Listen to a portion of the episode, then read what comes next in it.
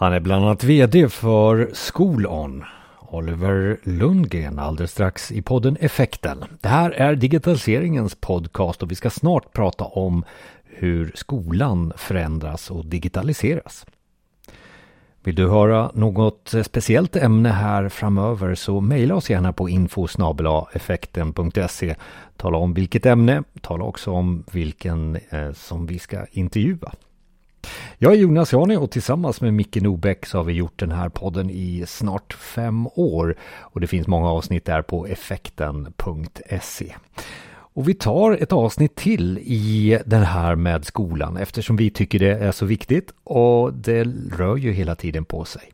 Så här kommer Oliver.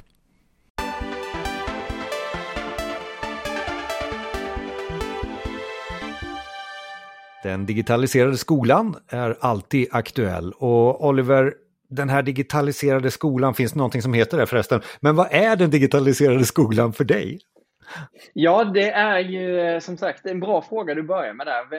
vad är det? Men för mig handlar det ju om ett par olika delar. Dels handlar det om liksom användandet av digitala verktyg i undervisningen. Hur kan man öka tillgängligheten, individanpassa och så.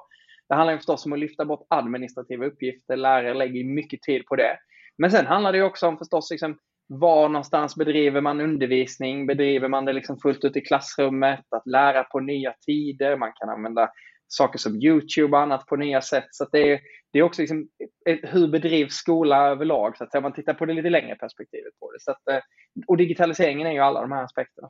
Sen så har ju du en, eh, eh du är ju digitaliserad och vill att skolan ska digitalisera, men skulle, varför skulle du säga om du fick en känsla för den svenska skolan, hur digitaliserad är den på en skala? Du får ange vilken skala du vill.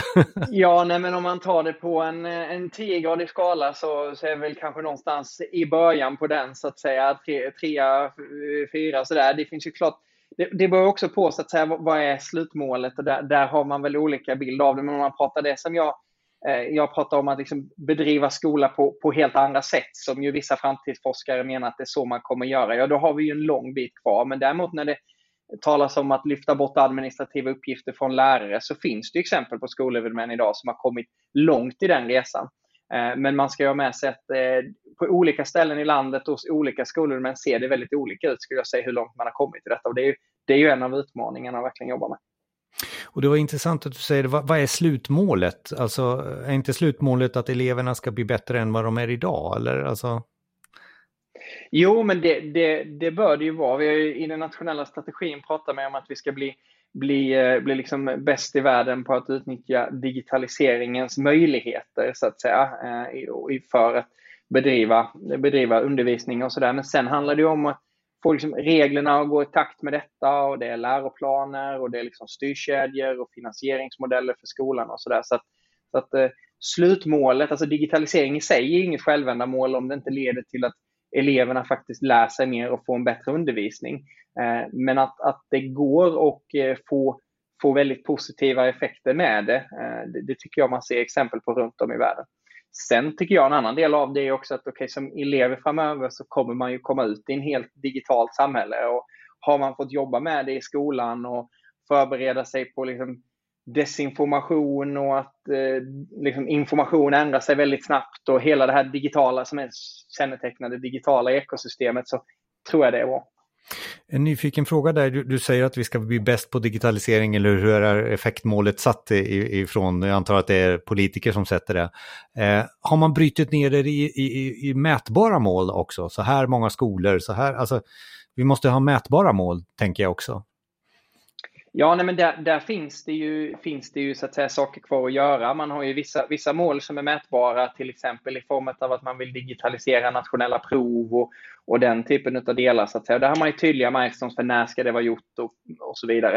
Eh, men, men sen ligger ju mycket ansvar, skulle jag säga, på, på huvudmannen, den, den privata eller kommunala som, som driver skolan, att, att omsätta liksom just den här eh, de här, liksom, den digitala nationella strategin kring konkreta liksom, actions ute på skolan. Och där, där tror jag man har, har ett eh, betydande samverkansarbete kvar att göra. Jag vet att SKR till exempel jobbar, jobbar med att ta fram en handlingsplan och så vidare, har fått uppgifter kring det. Men där, där tror jag vi har mer både bransch och, och huvudmän och annat ihop att göra för att liksom, hur ska detta gå till i praktiken och vad innebär det så att säga. Men det känns också när du svarar på den digitaliserade skolan, så, så du känner inte riktigt att vi är, vi har inte passerat 50 procent än, eller om man får, eller hur, hur känns det?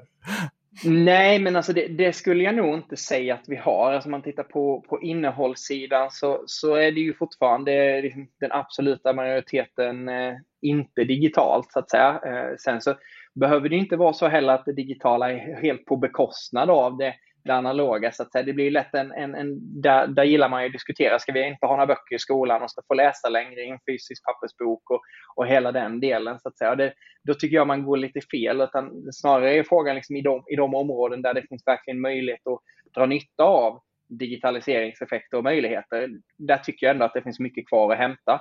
Eh, och då kanske inte bara på bekostnad av det, det man redan har utan också liksom i, i möjligheter i helt enkelt att få ut de här eh, verktygen och, och se till att de används och så vidare.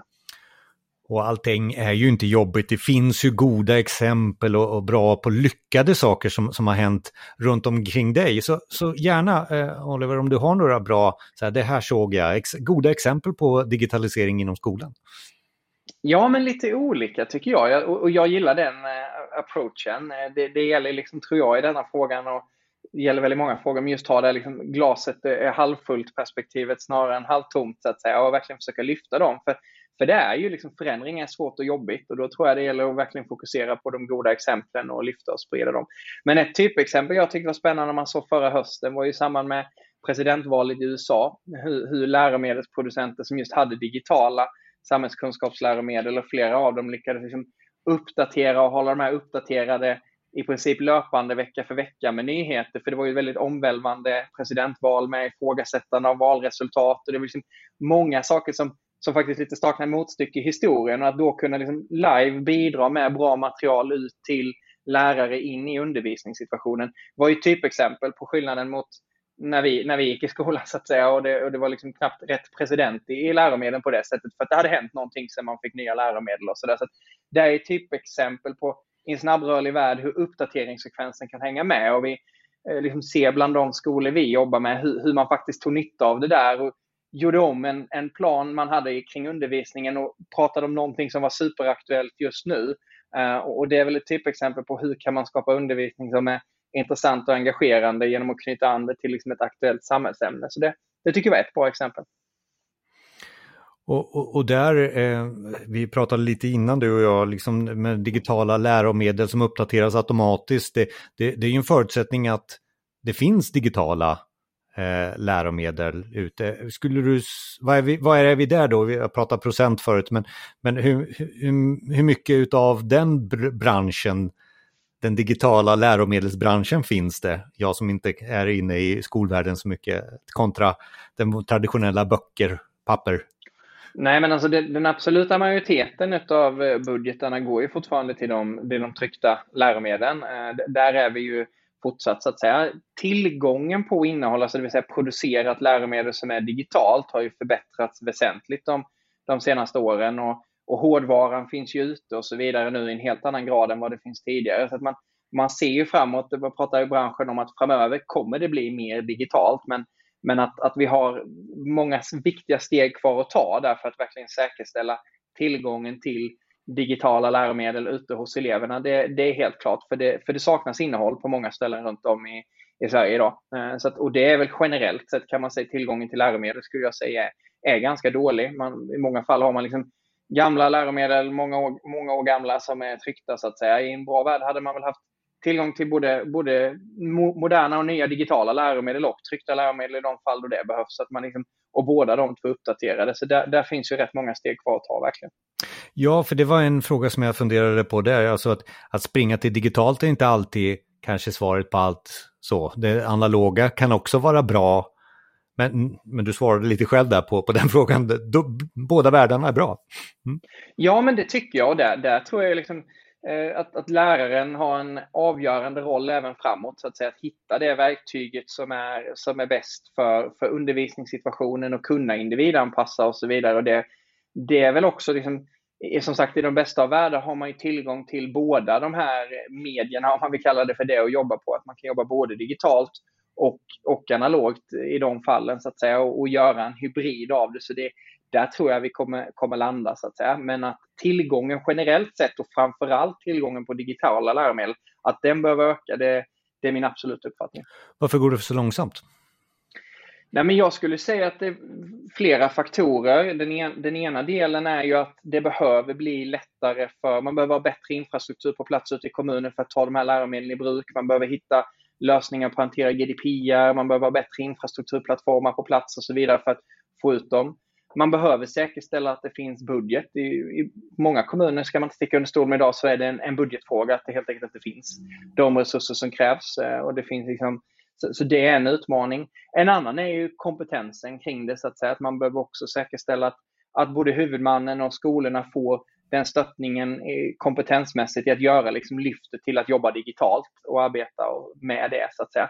En utmaning på skolor är ju generellt sett att lärarna de lägger mycket tid på, på undervisning, skolor, de lektioner de har nu, men generellt sett finns inte jättemycket tid skulle jag säga till att bedriva liksom, verksamhetsutveckling och långsiktig utveckling kring, kring morgondagens undervisning. Och att, att hitta sätt för att få mer tid till det tror jag är en nyckel för att man ska kunna liksom både, både göra något bra här och nu men också utveckla mot morgondagen där då det digitala eh, har en, har en viktigare roll tror jag. Ja, och, och, lite mer här, vi fastnade lite på läromedel och sånt där, men mer goda exempel från, från digitaliseringen i, i, i skolan som du känner sådär, titta, det där var bra. Ja, nej, men ett annat exempel är ju också, för, för där i det digitala så ser man ju liksom, i, att, att det kommer in mycket fler verktyg och möjligheter att ta nytta av annat som, som kanske då inte liksom, i, i den traditionella skolan hade en lika stor roll. Ett sådant exempel är ju tidningar till exempel. Vi, vi jobbar ett samarbete med nu med, med ett av de större eh, tidningsmediahusen eh, där man så att säga då kan, kan tillgängliggöra och jag har skolor som tillgängliggör liksom dagstidningar till tiotusentals elever på ett par minuter digitalt och kan distribuera ut det och skapa värde och nytta. Kontra innan då, där det låg en tidning och den låg i lärarrummet. Och där ser man då liksom möjligheten till eleverna i olika ålderskurser att få tillgång till liksom relevant, aktuell nyhetsinformation och samhällsinformation direkt ut så att säga, på ett helt nytt sätt och hur man då har tagit detta i bruk i, i undervisningen. Annat exempel är ju liksom på geografiområdet där man liksom uppdaterade kartor eh, digitalt där man liksom exakt i rätt stad på rätt plats kan zooma in och se kontra liksom en analog karta när man själv gick i skolan som var fel land i, eh, till och med på liksom, för att den var inte uppdaterad när man drog ner framme vid whiteboarden och sådär. Liksom. Så att, så att liksom, den här tillgången till information rent generellt, tillgången till fakta ökar ju radikalt i det digitala eh, på rätt hanterat. Liksom. Och, eh, och möjligheten att få liksom, dagsfärsk info in så att säga i i undervisningssituationen. Eh, så, så, det tycker jag är en, ett gott exempel och en, en god möjlighet att nyttja kraften i digitalisering. Annat som man ser kommer mer nu tycker jag är VR och AR, exempel på hur liksom elever kan få prova musikinstrument med AR-headset. Jag menar, eh, när en annan var liten var det, det var ingen möjlighet liksom att prova alla instrument och ha tillgång till det, för det var väldigt kostsamt. Men att kunna, kunna prova det med liksom ett AR-headset för någon, någon tusenlapp som de ju faktiskt börjar komma ner i nu och så kan man liksom få tillgång och prova allt annat eller röra sig i olika fordon och så vidare. Det blir ju helt, en helt annan upplevelse. Jag provade VR-motorcykel förra veckan själv. Det var liksom, ja, det är riktigt häftigt. Liksom. Så det, det där kommer ju nu eh, och det tror jag kommer innebära riktigt många möjligheter att få upp intresse, framförallt för de här naturvetenskapsämnena och de som ofta är lite svåra att, att ta till sig. Har du något mer SAS? För det var ju en liten spaning här. Har du någon mer spaning som, som det är ju intressant med AR det är så. Men... Ja, nej, men det, det, tror jag ju är, är, är en spaning eh, så, eh, som, som jag tänker eh, kring, kring kommer då och kommer komma in betydligt mycket mer.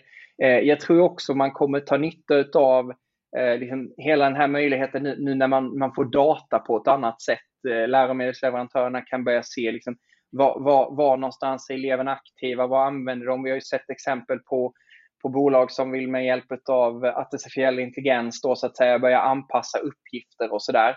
I ärlighetens namn är vi väldigt tidigt på det där ännu. Men det tror jag ju kommer bli, bli jättespännande. Ett annat projekt vi följer är några som håller på med och med hjälp av AI kunna så att säga då sammanställa fakta från olika källor för det här desinformations eh, samhället som ju delvis finns att säga och jämföra, okej okay, varför säger denna källan så när den här källan säger så och kunna presentera det där för eleverna.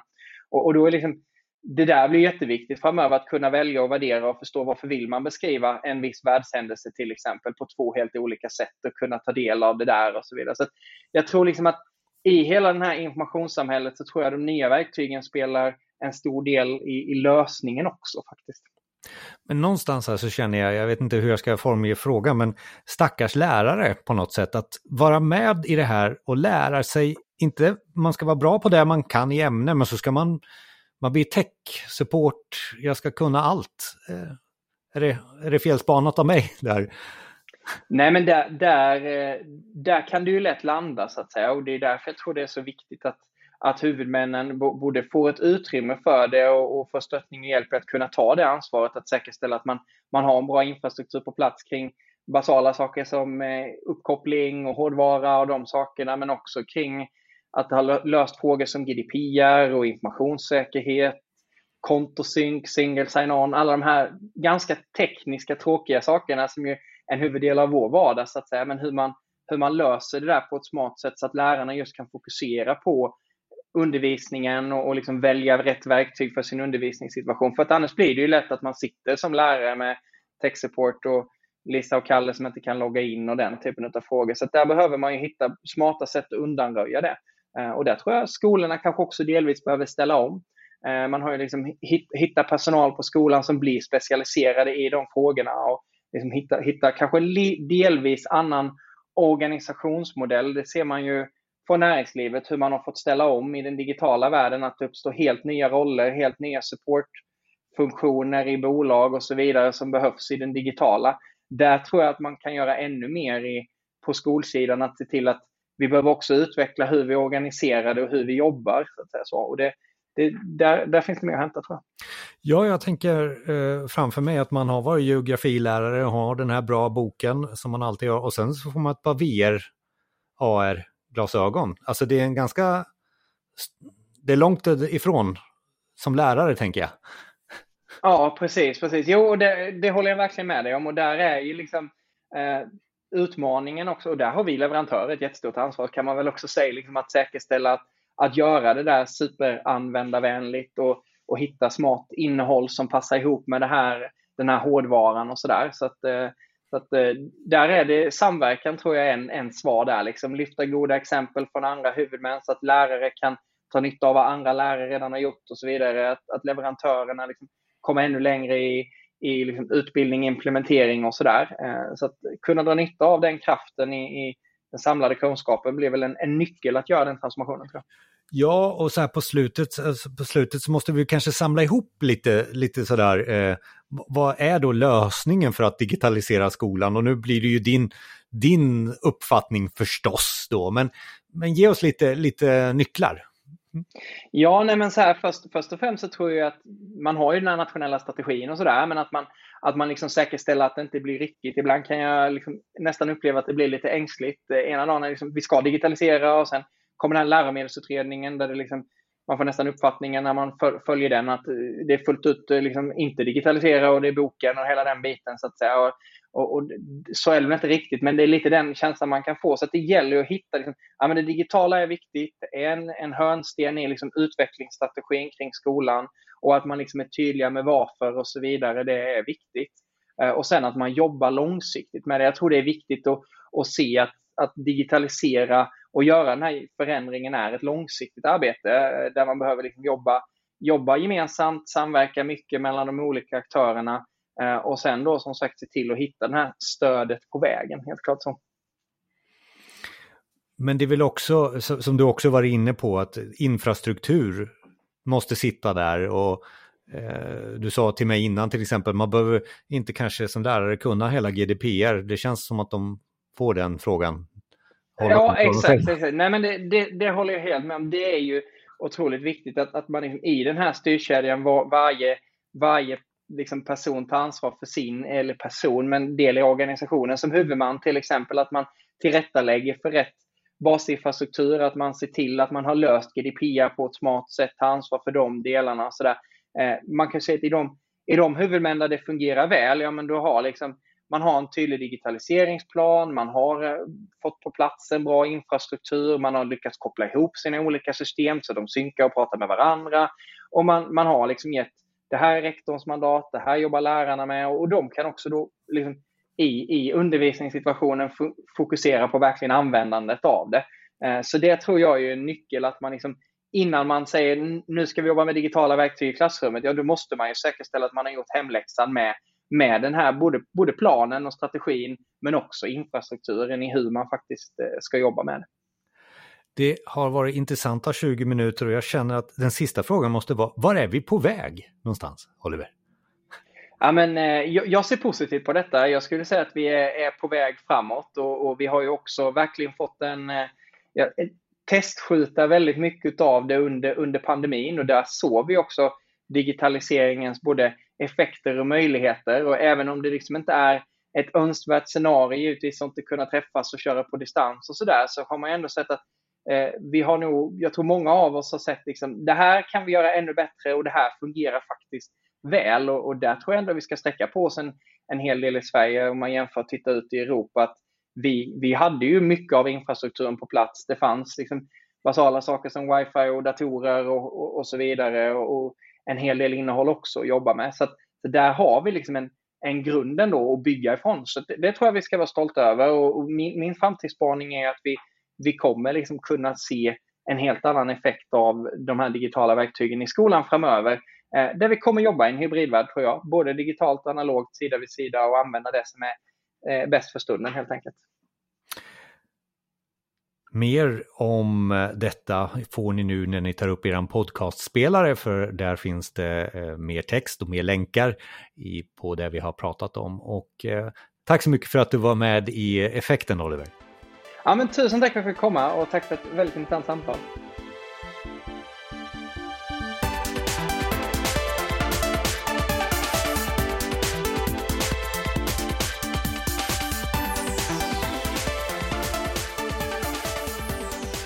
Digitaliseringens podcast Effekten. Tack för att du lyssnar på oss och du har just lyssnat på det 169 avsnittet utav podden. Det här var ett avsnitt inspelat i eh, oktober 2021.